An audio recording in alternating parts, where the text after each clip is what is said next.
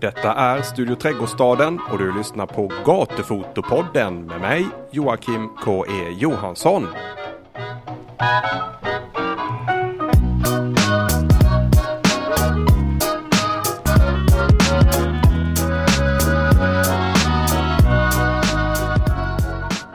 Hallå där! Varmt välkommen ska du vara till ännu ett avsnitt av Gatufotopodden.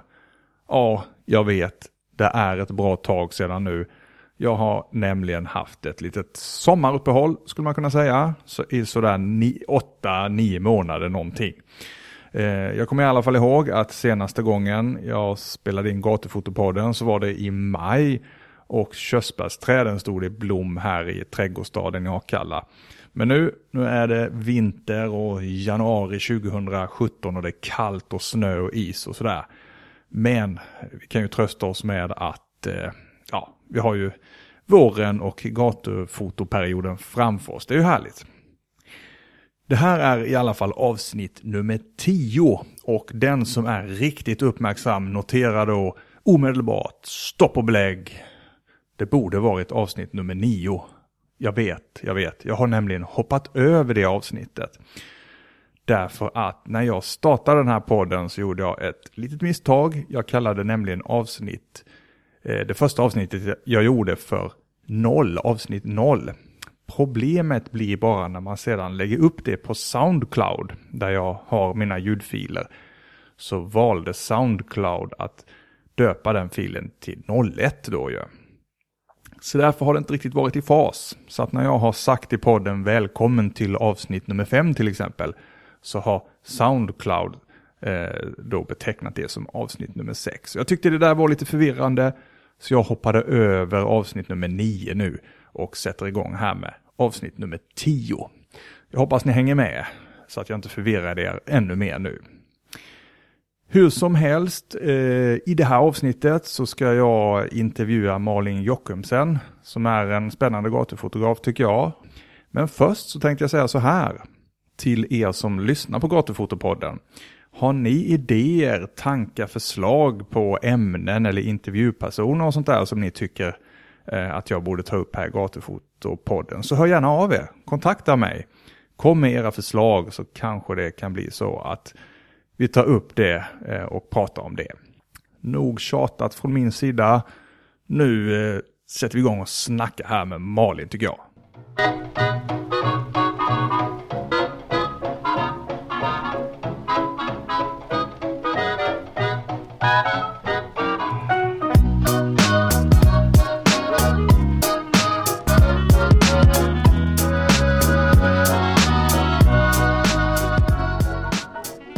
Varmt välkommen till eh, Gatufotopodden Malin Jo- Jockumsen. Uttalar jag ditt efternamn rätt? Det gjorde du. Det gjorde jag. Tack. Ja, det är lite speciellt, det är så vanligt. Nej, jag var gift med en dansk och behöll efternamnet för ungarna. Aha, det är ett danskt efternamn, vad spännande.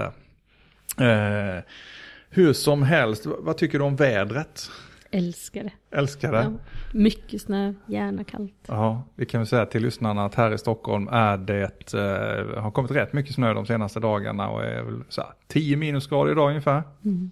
Men det är ju inget eh, gatufotoväder direkt. Det är det väl visst. Tycker du det? ja, egentligen var jag lite sur över att vi hade kommit överens om att träffas idag. Alltså, Det var det perfekta gatufodervädret. du, hade, du hade hellre varit ute och, och eh, gatufotat? Ja, nästan. Ja. Nej men jag kan hålla med dig, det är väl, vi är väl lite dåliga sådär kanske på att utnyttja de här intressanta, spännande väderomständigheterna som kanske skulle göra bilderna lite mer annorlunda. Mm. Ja, jag vet inte. Jag tycker att det, jag tycker det är roligt. Det blir lite mer utmaning än det vanliga, vanliga gråvädret. Som har varit dessvärre. Ja, ja Stor precis. del av november och december. Ja. Men, men om du ger dig ut på gatan och sådär när det är kallt och minusgrader, vad, vad, beger du dig? Det beror på vad tiden räcker till. nu är det jullov och ungarna hemma så då hade jag nog begett mig ut på en lång promenad i området. Där Ja. du bor? Där jag bor. Ja, och vad, vad är det? I Djursholm i Danderyd. Ja, okej. Mm. För jag tänkte så här, jag känner ju dig sedan tidigare, men lyssnarna här kanske inte har någon riktig koll på vem Malin är. Så att om du, så här, om du träffar en ny person och ska säga, berätta lite om dig själv, Gud. vad säger du då? Vem är jag? Ja. Född och uppvuxen i Eskilstuna, absolut inte i Djursholm. Um, flyttade till Moskva när jag var 23. Jag hade väl varit ganska länge. Um, bodde där i nästan 12 år. Ett par år i Sydfrankrike innan jag kom hem igen. Vem är jag? Jag vet inte. Men du är berest eller skulle man kunna säga du har bott eh, lite utomlands och jobbat utomlands och sådär? Jo, det tror jag är. Ja. Ganska. Men det där med Moskva låter ju väldigt spännande för att det är ju inte helt vanligt, eh, inte i mina kretsar i alla fall, att folk säger att ah, jag sticker till Moskva. Det var inte Eskilstuna heller. Jag föll för rysk litteratur som tonåring. Jag tyckte det var helt fantastisk. Dostojevskij och sådana. Mm, faktiskt Sjolochovs Stilla flyter dom var den första som jag verkligen fastnade för. Ja. um, och sen var det väl lite stängt och förbjudet då. Sovjetunionen. Jag tyckte språket lät vackert. Um, blev lite intresserad, ville börja läsa ryska. Och det var, det var inte helt lätt i Eskilstuna på 90-talet. Så när alla andra såg Peak, vad heter det, Twin Peaks. Då gick jag på ABF och tragglade alfabetet med pensionärer. Ja. Måndagskvällar. Vad häftigt. och, och då, då eh, fick du jobb på bank där så småningom va? Ja, jag läste, läste en mellaningenjörsutbildning uppe i Umeå inemellan. Först gick jag fyra år teknisk eltele. Och sen flyttade jag upp till Umeå för att läsa ryska. Och en mellaningenjörsutbildning med mer alternativ energi som inriktning. Det tänkte jag att det måste ju vara bra att mm. kombinera ryska med. Det var bara lite för tidigt, sen kom jag till Moskva och läste ryska där. På Stadsuniversitetet och blev kvar och halkade in i bankvärlden på ett bananskal. Och det funkade bra av någon märklig anledning. Det, det var roligt, det var spännande. Jag fick resa mycket i regionerna och lära mig någonting jag aldrig hade haft någonting att göra med tidigare. Jag hade inte läst någon ekonomi tidigare. Väldigt fascinerande. Ja, spännande. Jättespännande. Och, och, det var där också du träffade en person som eh, liksom lite grann uppmuntrade ditt fotograferande och sådär? Mm, det var min chefsfru som fotograf som fick se några bilder jag hade tagit med min lilla point and shoot. Var en Panasonic tror jag. Um, och så tyckte hon att jag skulle skaffa en riktig kamera så skulle hon visa mig hur jag använder den och det gjorde jag. Åkte hem till Stockholm, gick in på kameradoktorn, köpte en Nikon F100. Och ett par gluggar. Och mm. sen träffades vi väl en två, tre gånger. Hon visade mig hur hon använde den, hur man tänkte med ljus och mätte ljus. Och sen var jag fast. Och när var detta? Hur länge sedan är det? var 98. Ja, okej. Okay. Så ganska länge sedan. Och då blev du hooked? Ja, fast jag jobbade så mycket så det där med hooked, det var väl jag var så hooked som jobbet tillät. Och jobbet var en, minst 12 timmar om dagen. Så det var inte riktigt... Det var inte så att jag fotade jämt och ständigt. Men, men du fotade då i Moskva där du bodde? Mm. Fast du, du tol, uppfattade det inte själv riktigt som att du höll på med gatufoto utan du var bara ute och knäppte lite bilder sådär? Ja, jag gick runt mycket. Jag tycker om att gå. så jag hade kameran med mig och fotade det jag såg runt omkring. Och det var långt senare, jag var med på fotosidan då. då från början var det ju bara en stor pool för alla bilder. Och sen började det bli indelat när den växte och blev stor, eh, fotosidan. Och då blev det indelat i gatufoto tror jag de kallade det då. Och någon var arkitektur och någon var barn och någon var natur. Och det var då jag insåg att det fanns något som heter gatufoto. Och då började du med det. Hur skulle, jag gillar ju, eller väldigt nyfiken på Moskva. Jag har aldrig varit i Ryssland. Och skulle jättegärna vilja åka dit och tänker fan Moskva. Hur är det att gatufota där? Spännande. Det är ju, jag tycker det hela taget, jag älskar ju Ryssland. Jag tycker det är otroligt fascinerande. Du lider inte av någon rysskräck då nej, som många nej, gör i Sverige? Nej, alltså jag kan ju förstå den jag tycker det går åt helt fel riktning nu. Och det är jättetråkigt att se. Men det är ett spännande land och ryssen, ryssen är ju, som gemene man, är ju väldigt trevlig och vänligt inställd. Man måste skilja på liksom regimen, politiken och den vanliga människan. Absolut.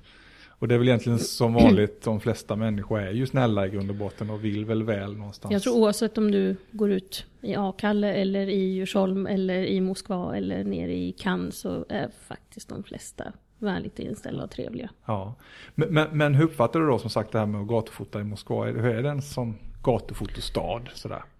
Det händer ju mycket hela tiden. Ehm, det är spännande och jag gillar det här lite shabby chic som det är. Det är ganska det är lite smutsigt och lite färg som flagnar och så. Så det är väldigt, det är väldigt fotogent i Moskva.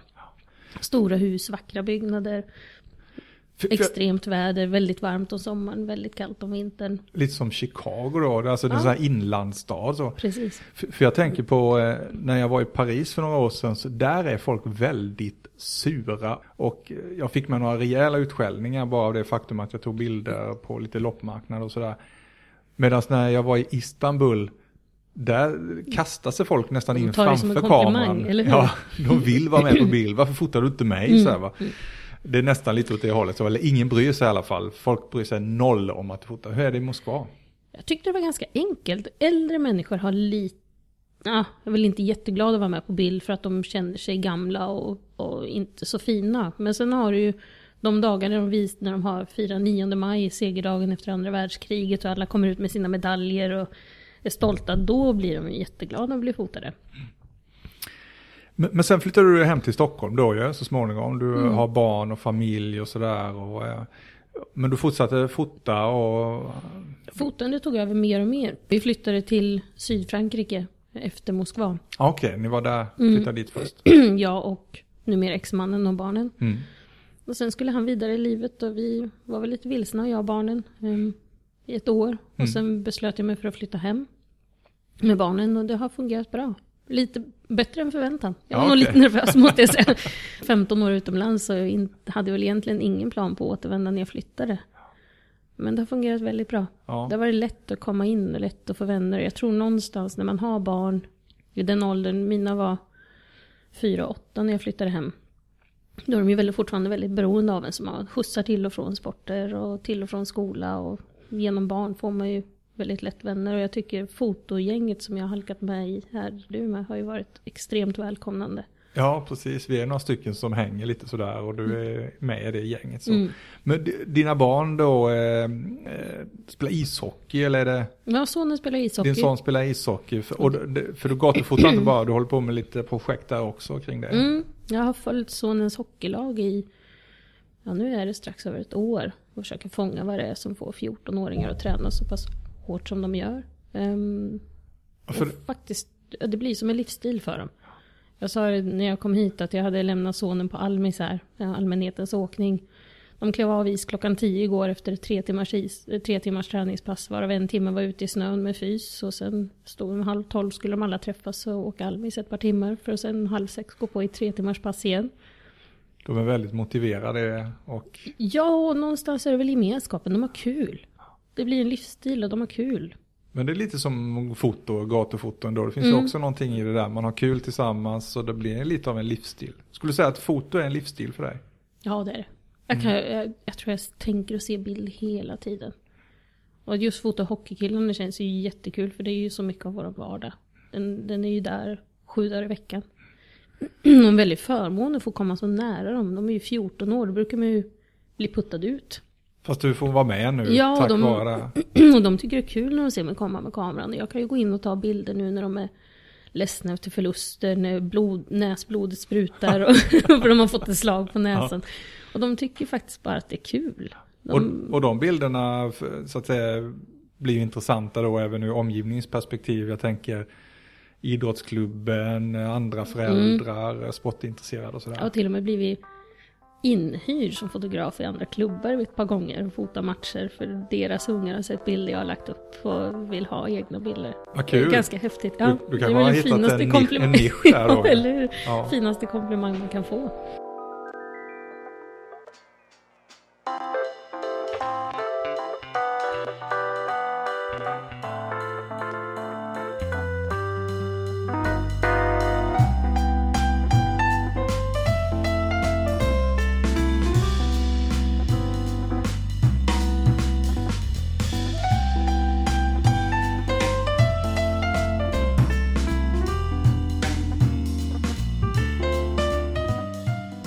Från eh, hockeyfoto till gatufoto då, för det är ju det som den här podden handlar om och det är ju det kanske du lite grann håller på med ändå långsiktigt sådär. Mm. Och du går runt på gatorna. Hur, hur eh, när du är ute där och fotar, eh, vad är det du söker efter eller sådär? Egentligen så vet jag aldrig. Någon slags berättelse, någonting som fångar ögat, någonting som håller ihop, som blir lite mer än bara en människa som går längs en gata.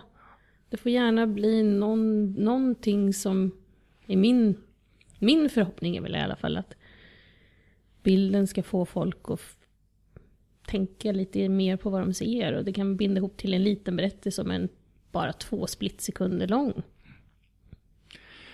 Jag vet att det är rätt svårt, men hur skulle du beskriva din egen bildstil? Tror du du kan det?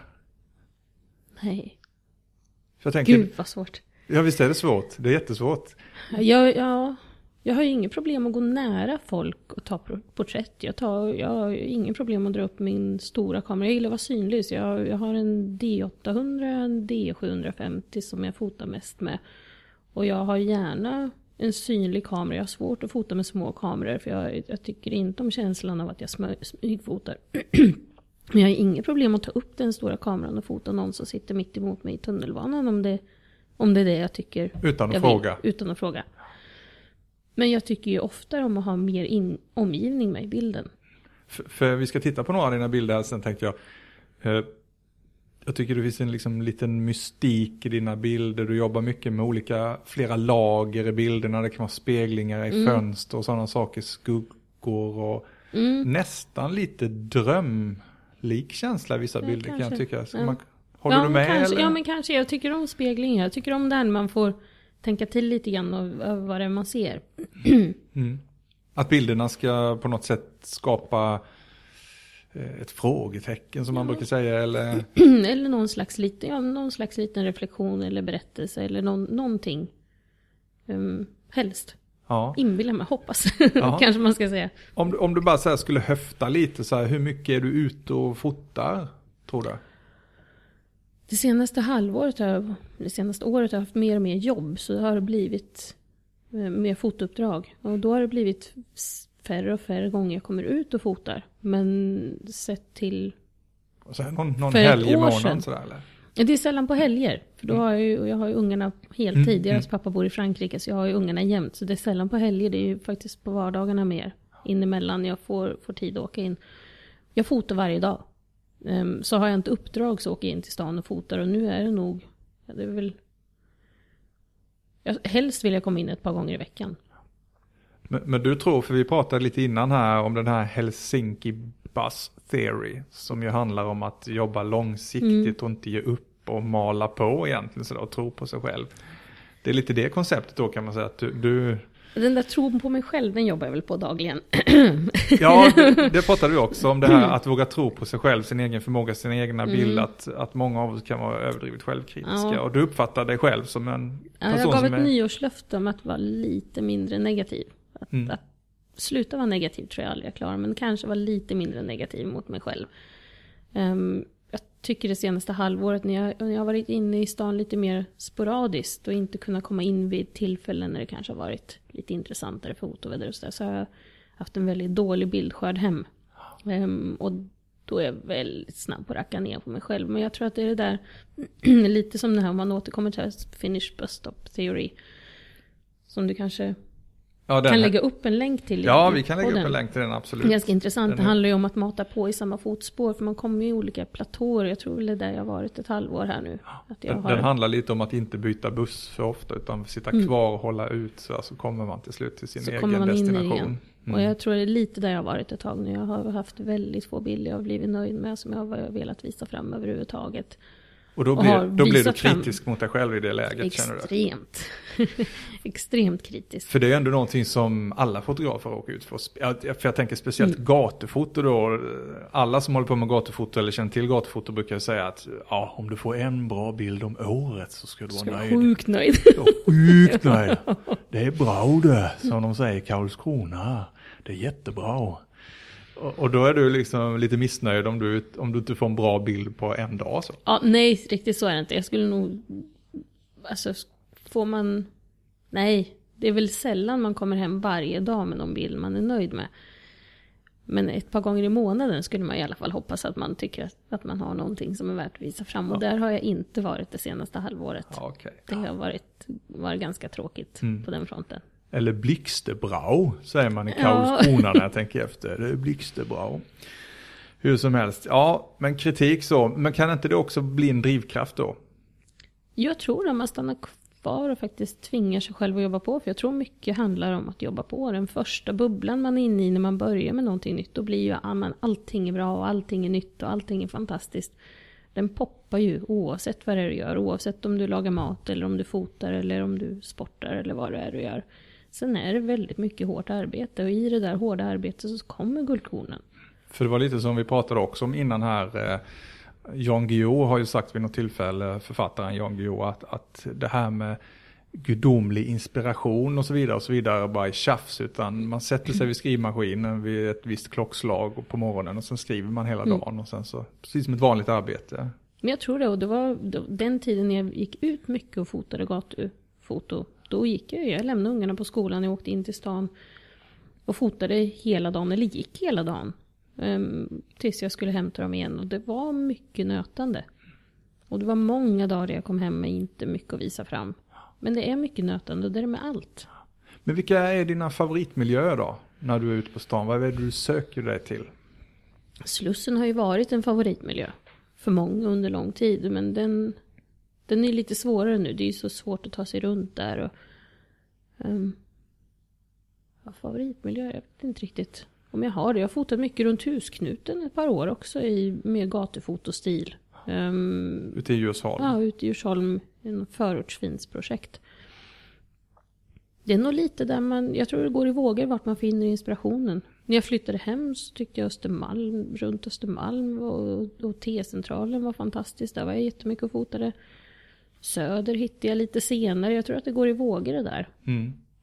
För, för du, eh, trots att du är sådär självkritisk då, så har du faktiskt vunnit ett antal fototävlingar. Ja. Stora internationella fototävlingar till och med. Mm. Kan du berätta lite om det? ja, det var väl Metro Photo Challenge som jag vann. Och den ska jag, det ska jag tacka Matti Merleid som också är med på fotosidan um, för. Han, eh, jag träffade honom på väg till en utställning och då sa han Har du sett den här fototävlingen? Nej, man kan vinna en resa till New York, det vore ju skitkul. Ja, ja, tänkte jag. Och då var jag precis, jag var inne i en riktigt negativ bubbla där. Och så kom jag hem och så tänkte jag, fan kan Matti skicka, kan andra skicka, varför kan inte jag göra det? Varför kan inte jag prova någon gång? Så jag slängde in några bilder. Det var tre olika kategorier. Och så vann min bild i Cityscape, så vann den svenska deltävlingen. Jag vet att jag berättade för en lagledare i hockeylaget, vi var på, skulle, sonen skulle spela match och jag skulle stå i sekretariat. Så berättade jag att den hade vunnit den, han hade frågat hur det gått, så den hade vunnit den svenska delen. Och så frågade han om jag trodde den skulle gå hela vägen i nationella. Och jag sa, nej men gud, det är en Stockholmsbild för oss säger det någonting. Men det är, det är en gubbe och kulturhuset, Hötorgsskraporna. Det finns ingen chans att den Precis. går hela vägen internationellt. För den bilden är lite som jag ser. Den är lokal. Precis, men det är en typ, för mig en väldigt lite typisk Malinbild kanske. Jo, håller, håller med om det? Det är jo, lite det speglingar mm. och flera lager. Mm. En, en, äldre man i rutig skjorta, mm. man ser honom bakifrån och så ser man att det... Han sitter inrutad i Hötorgsskraporna, ja. allting är rute på ja, rute på rute. Hötorgsskraporna mm. speglar sig för mm. vi lägger ju såklart upp den bilden här i anslutning till podden. Och sen när jag stod i det där sekretariatet så ringde de faktiskt. Precis då när jag stod där och, och berättade att jag hade vunnit den internationella tävlingen också. Och så blir det en resa till New York ja. sen. Det var ju ganska häftigt. Det är häftigt. Men jag ser här, det finns en annan bild, uh, City Love mm. kallas den för, som också, den har också vunnit en uh, Metro den Photo Challenge. Delen, den, den svenska ja, delen. Det var året efter och det var en kvinna, Kristina Santos, som skrev, hade lagt upp den på min, min Facebook-sida för foto. Och så skrev hon en kommentar, jag hade aldrig träffat henne förut, fortfarande inte träffat henne, men skrev hon, den här skulle ju passa perfekt i en av Metros kategorier, ska du inte skicka in nu? Tänkte jag, om någon är så snäll och skriver det. Jag vet, jag satt faktiskt på Roslagsbanan på väg in till en av våra fototräffar. Så jag satt på Roslagsbanan och slängde in den i den där kategorin som hon rekommenderade och så vann den den svenska delen. Men det gick inte hela vägen. Liksom, du bara slängde in bilden ja, men, så vann du. Så bara, men, det fixat? Ja men lite sådär, ja men.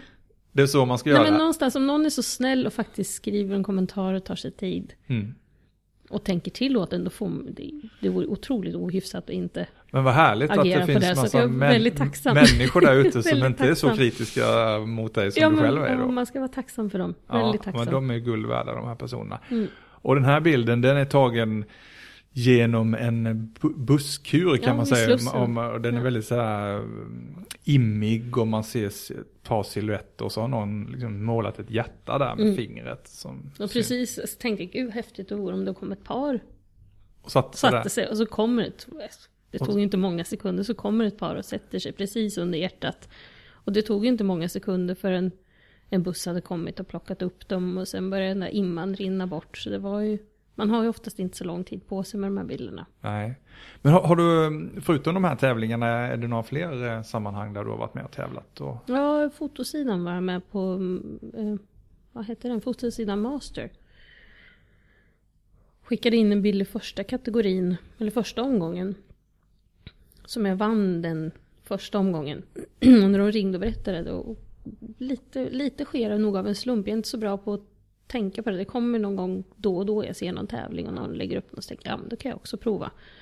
Så ringde de och berättade att jag hade vunnit den första kategorin. Jag fattade först inte vad de pratade om. Och då satt jag och höll på med läxor med sonen. Så säger William till mig, mamma, mamma vad var det där för någonting? Ja, så jag vann någon, någon deltävling. Ja, vad, vad kan man vinna? Så, men vinner man alltihopa så kan man vinna en kamera.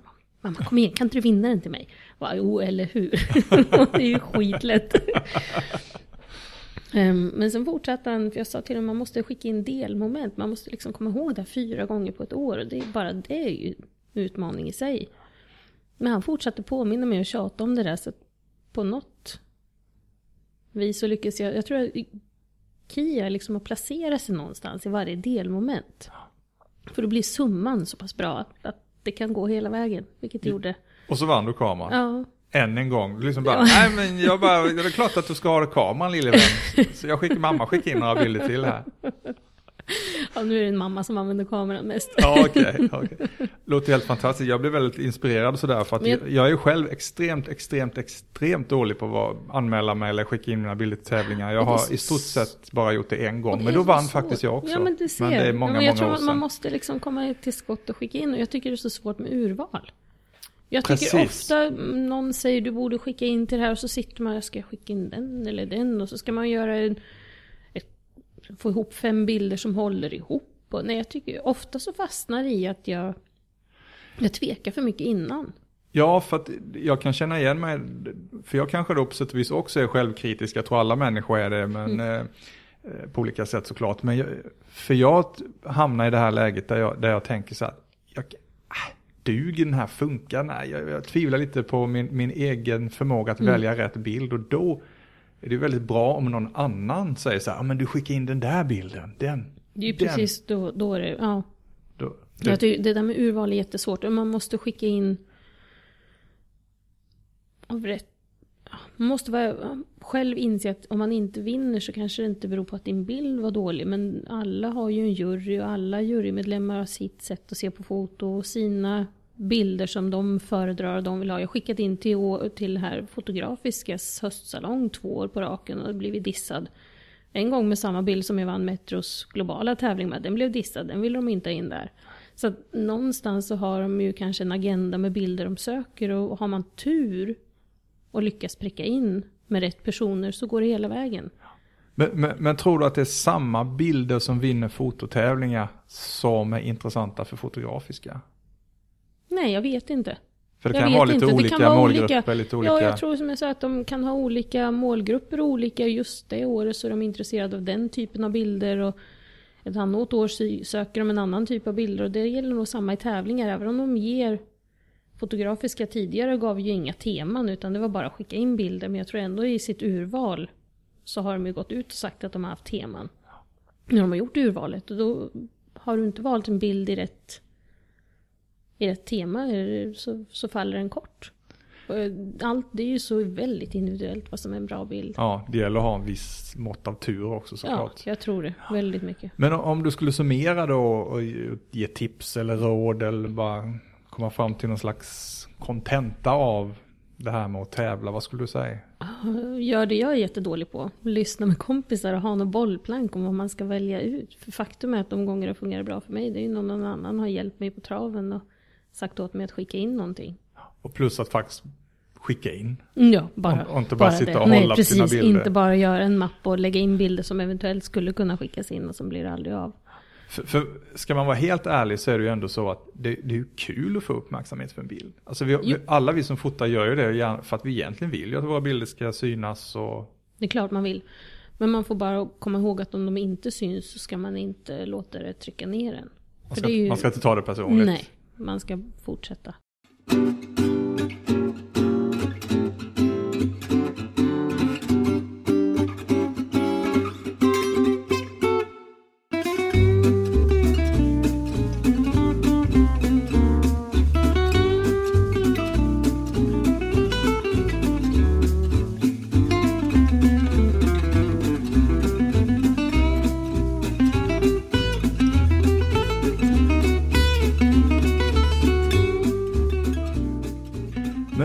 Har ju också haft eh, lite utställningar sådär.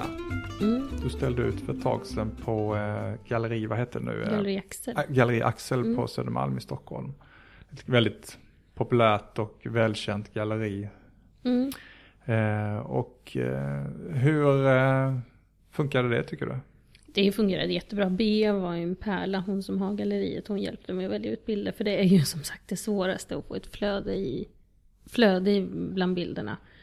Och det blir ju väldigt mycket kill your darlings. Um, för att få det att hänga ihop. Men det, det, var, det, var ro, det är roligt att visa fram bilder. Jag tycker att vernissagebiten är skitjobbig.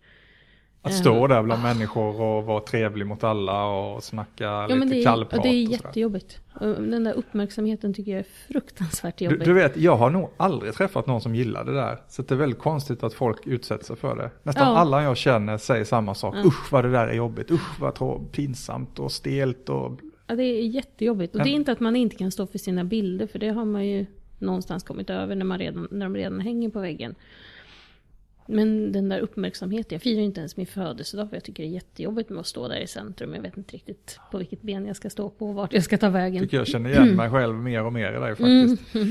Men, men eh, någonstans... Stackare, Ja, jag. precis. Stackars, stackars oss. Ja, Alla som lyssnar nu hör vilka Eländiga. tragiska, miserabla figurer vi är här. Nej, vi, vi mår nog ganska bra trots allt i grund och botten. Men du, det jag skulle komma till egentligen var väl det att eh, det måste ju finnas ändå någonting då, om man tycker det där är tråkigt att stå där och allt det där, och så gör man det i alla fall. Därför att då måste det finnas någonting bortom det som är väldigt lockande eller som ändå gör att man Jo, det är roligt att visa fram sina bilder. Och det är jätteroligt att höra vad folk tycker om dem. Och det är både positivt och negativt. Men det är väl, ja, det är väl just den där vernissagebiten som är lite jobbig. Ehm, För belöningen blir då, om jag tolkar det rätt, just det här att folk ser dina bilder och ja, och du får jag, lite feedback. så jag och, försöker ju någonstans leva på det här som en frilansare. Och, och vid en utställning så hoppas man ju på att sälja bilder. Så det, det, För det har är du gjort. del- Ja, det har jag gjort. Du, har gjort, du, du säljer ja, print sådär, ja. folk som köper bilder och hänger upp hemma jag, har, på väggen. jag har valt att ha mina numrerade. Alla väljer olika. En del har numrerat, en del har onumrerat. Men jag har valt att ha mina numrerade och jag har en upplaga av 10. Oavsett storlek och utformning. Så är det 10 bilder och sen är det slut. Och jag gillar hela den där tanken på att inte allt finns tillgängligt i all Det är evighet. smart. Har du, har du tagit med dig det lite från bankvärlden där eller något så att, Nej, någonting, från, från Jill, hon, kvinnan som fick mig att börja fota. Min Att det ska vara exklusivt. Ja, hon, hon hade en begränsad upplaga, men hon hade på 25 och det var någonting som jag när jag kom hem insåg, det tog mig lite tid att inse att det är en ganska hög numrering i Sverige sett. Kanske inte i Moskva utan Nej, och hon är amerikan så att då, där internationellt, ja i USA där hon så det handlar hennes, hennes numrering var, låg på 25 så jag har tagit ner Från början hade jag också där omkring 25-30 Och sen har jag tagit ner det och jag tycker att 10 känns ganska bra gäller att anpassa sig efter den lokala, vad ska man säga, Mm. det gäller platsen där man att hitta agerar. någon, någon slags av, eller balans mellan pris och upplaga. Och jag skulle kunna tänka mig att ta ner ännu mer om man kunde höja priserna, men det vet jag inte. Så mycket tror jag inte jag är värd. Men, men någonstans så skulle jag kunna tänka mig att ta ner upplagan ännu mer om, om det bara kunde balanseras ut av ett, av ett pris. Ja, för när, när du berättar om det så tycker jag ändå att det låter väldigt intressant just att jag, jag känner också att 10 är något ganska bra nummer. Alltså en bra siffra, ett bra antal. Mm.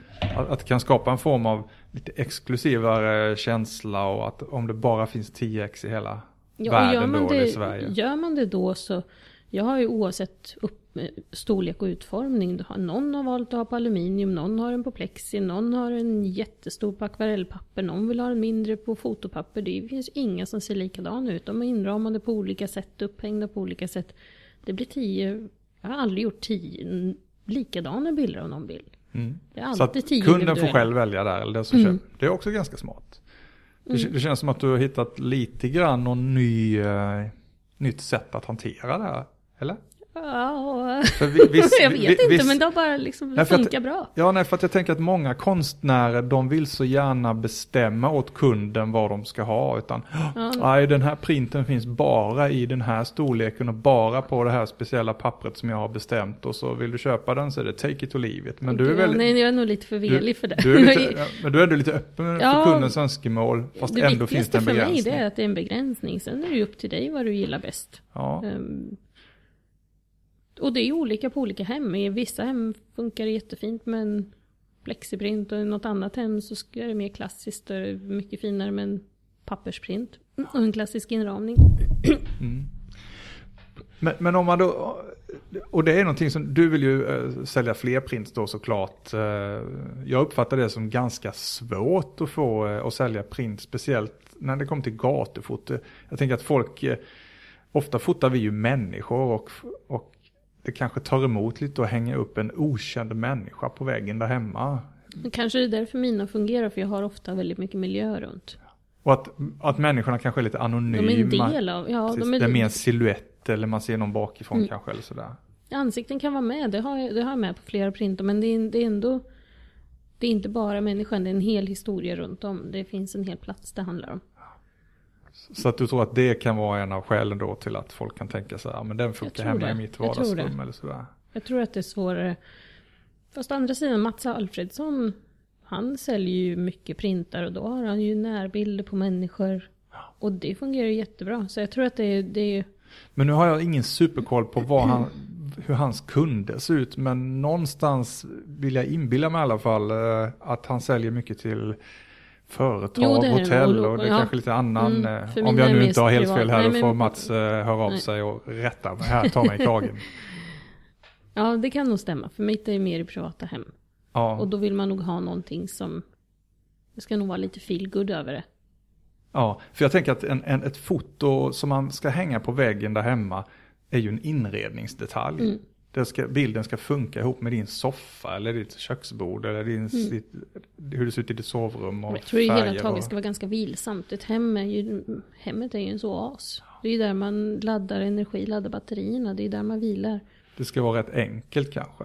Ja, Enkla, någonting som upp- ger energi i alla fall. Ja.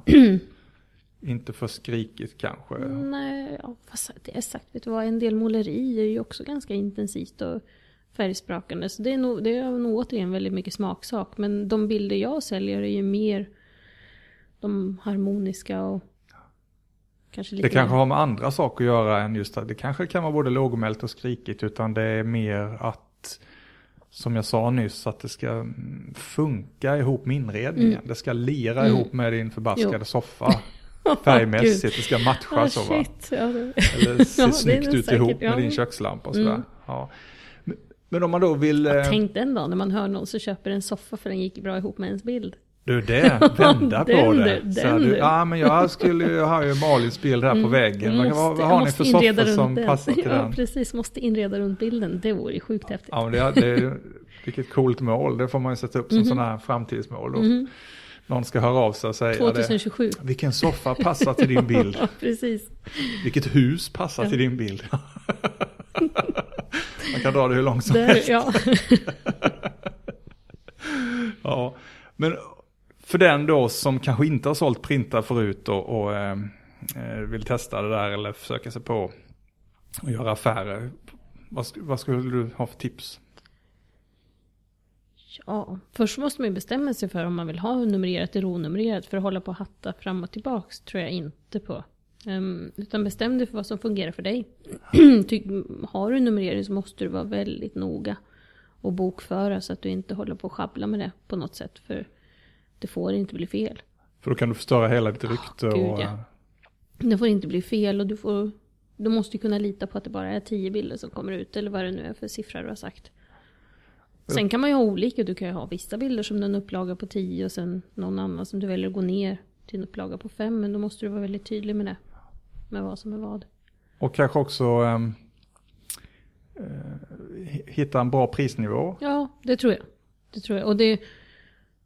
Jag har ju kunnat höja mina priser. Ehm, Men hur hittar man en bra prisnivå? Jag har haft tur och haft gallerister som har hjälpt mig med vad, vad som är en bra prisnivå. Det märker man också när folk, vad folk vill köpa eller inte vill köpa. Så att återigen handlar det om att dra nytta av Och, nå- och omgivningen. någonstans, sådär. jag redovisar alltid någonstans, jag, har kommit dit att finns det ingenting kvar till mig när jag har betalat printen och sk- redovisa och betala Skatteverket. Då är jag faktiskt inte intresserad av att sälja längre. Jag, jag vill inte hänga på någons vägg bara för att det är kul att hänga där.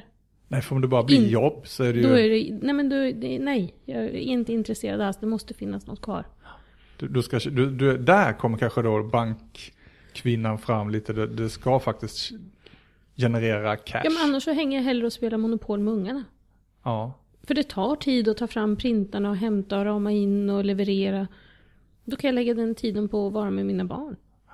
Mycket hellre. Ja. Eller jobba som volontär för Operation Smile eller vad som helst. Bara mm, någonstans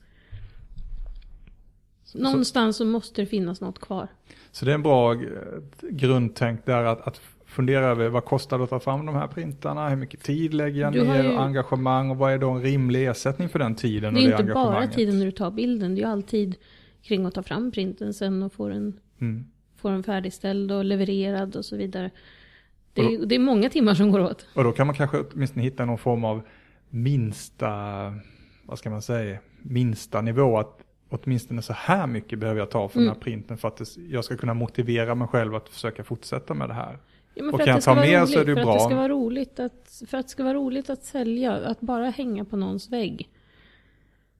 Det kanske är jättespännande i början men till slut ger det inte så mycket. Jag har också provat att hänga på kaféer och i någon, på något kontor här och där. Men man står för alla kostnader själv och det är väldigt sällan man ser någonting tillbaks. Precis, för det är det det handlar om. Att, att du ska hå- orka hålla på med det här i längden. Mm. Det ska li- liksom funka långsiktigt då ja. Mm.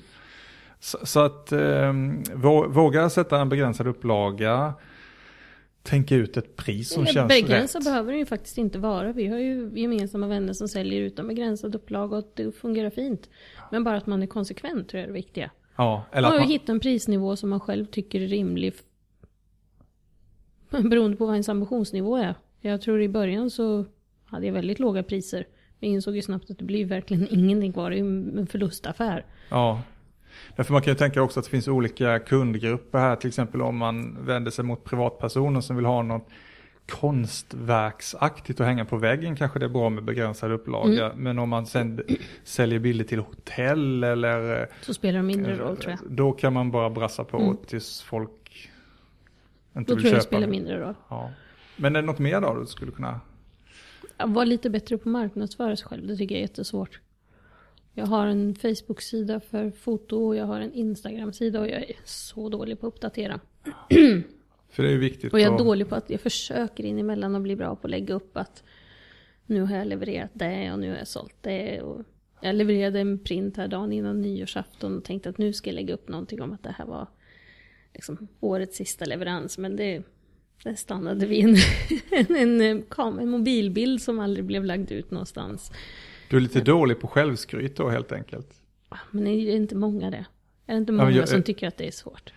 Ja, ja det är svårt. Det är Och- jättesvårt och- att marknadsföra sig själv. Och jag jobbar professionellt med marknadsföring och även jobbar mycket med sociala medier. Sådär. Mm. Jag kan väl säga, ge tips då, att det inte alltid självskryt är så bra som marknadsföringsmetod. Nej, okej. Att tala om, titta här hur många kunder jag har och Nej. titta nu har jag levererat det här ditten och datten. Det brukar sällan ge något större genomslag eller Nej. engagemang faktiskt. Nej, när man gör det någon gång emellan så tycker jag att det, att det händer någonting. Men ja, varje gång det skulle... Nej, det gör jag inte. Nej. Men någon gång ibland, lite oftare kanske. Men det är svårt, eh, även om eh, som i mitt fall jag jobbar då professionellt med marknadsföring så är det faktiskt väldigt svårt att marknadsföra sig själv. Det är något av det Jättesvårt. absolut svåraste som finns. Helt Ja. plötsligt så glömmer man bort allt man kan och eh, blir helt förvirrad. Och beter sig på ett helt annat sätt. Helt som, irrationellt. Ja, helt irrationellt. Så, märk- men gud, märkligt. tio år på säljsidan i en bank. Jag tyckte verkligen att sälja var ju inte alls Ja, du svårt. ser. Det, var ju, var ju jättekul, det var jättelätt. Ja, Ja. precis samma sak med dig där ju. Jag skulle nog vara jättebra på att sälja någon annans bilder. Exakt. Och någon annans tjänster. Exakt. Men eh, när, när det gäller ens eget. Och, och det är som sagt, det har ju ingenting att göra med att man inte kan stå för det man gör. Och när jag tar på ett arbete så brukar jag har jag inte fotat just den saken tidigare så brukar jag vara väldigt öppen med det. Att jag har aldrig fotat mat tidigare men jag provar gärna. Och, Men, men jag ser här nu att vi får ju börja sälja varandras bilder då helt enkelt. eller hur? Det skulle vara mycket lättare. Eller vilket dream team. Ja. Skulle tjäna stora pengar Ja, här framöver. Ja. Du Malin, det var jättekul att ha det här. Vi har redan pratat i 40 minuter. Eh, och eh, jag känner att det var intressant samtal på många sätt. Men jag vill inte sitta här och hålla fast dig för länge. För det är fortfarande ljust ute. Du skulle ju hinna ut nu och gatufota lite då ju. eller hur? Ja. Men du, stort tack för att du var med i Gatufotopodden. Ja, tack för att jag fick komma. Ja, så hörs vi och syns vi. Det gör vi.